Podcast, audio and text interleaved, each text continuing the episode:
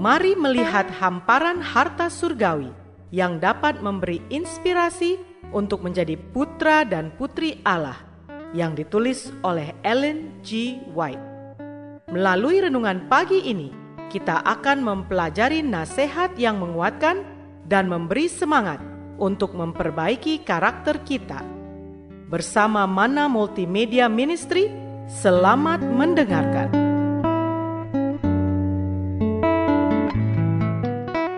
Shalom, selamat pagi saudaraku. Renungan pagi kita hari ini 24 Maret berjudul Pengampunan. Bersama saya, Pendeta Andri Daembani. Ayat intinya diambil dari Kolose 3 ayat 13. Demikian firman Tuhan.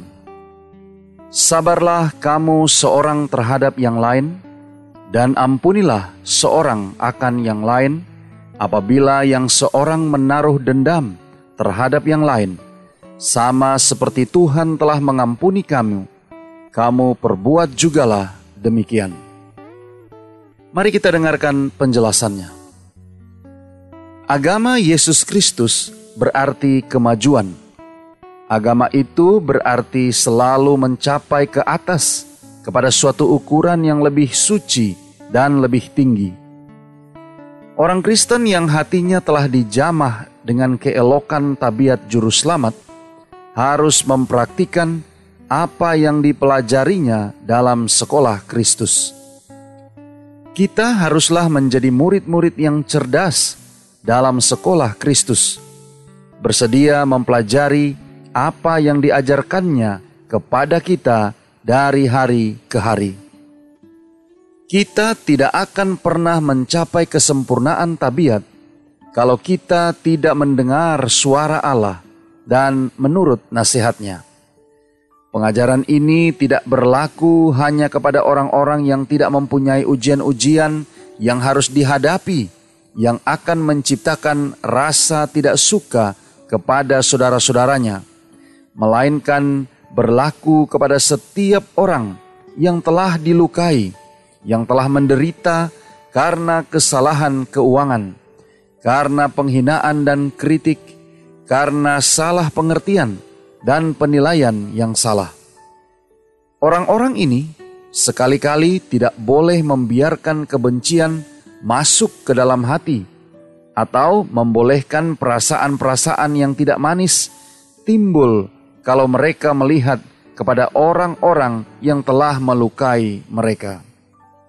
Seperti Kristus, kita akan mengampuni musuh-musuh kita dan berjaga-jaga kepada kesempatan untuk menunjukkan kepada orang-orang yang telah melukai kita bahwa kita mengasihi jiwa mereka itu.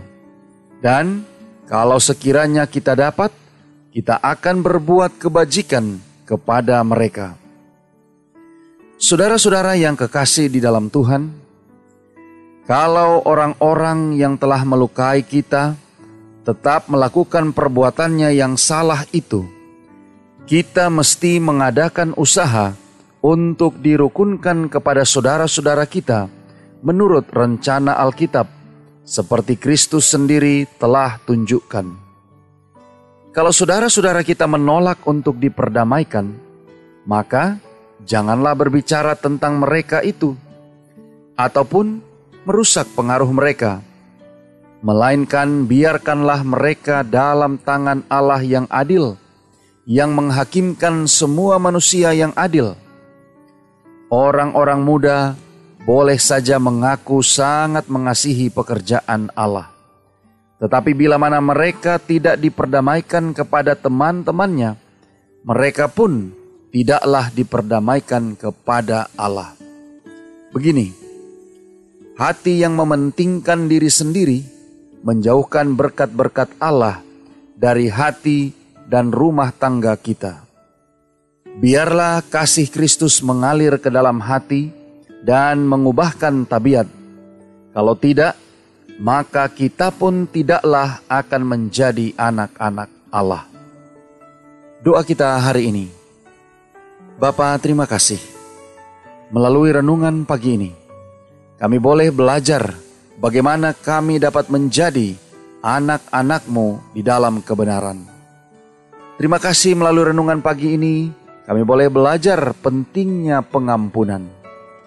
Tolong kami hari ini Bapa, biarlah dengan pertolongan kuasa roh kudusmu, kami dapat disanggupkan menghidupkan firman yang sudah kami dengarkan untuk selalu membiasakan diri kami mengampuni satu dengan yang lain, sebagaimana Engkau telah mengampuni kami atas segala dosa dan perbuatan-perbuatan jahat kami. Terima kasih Bapa. Inilah doa dan permohonan kami kepadamu. Di dalam nama Yesus kami berdoa. Amin.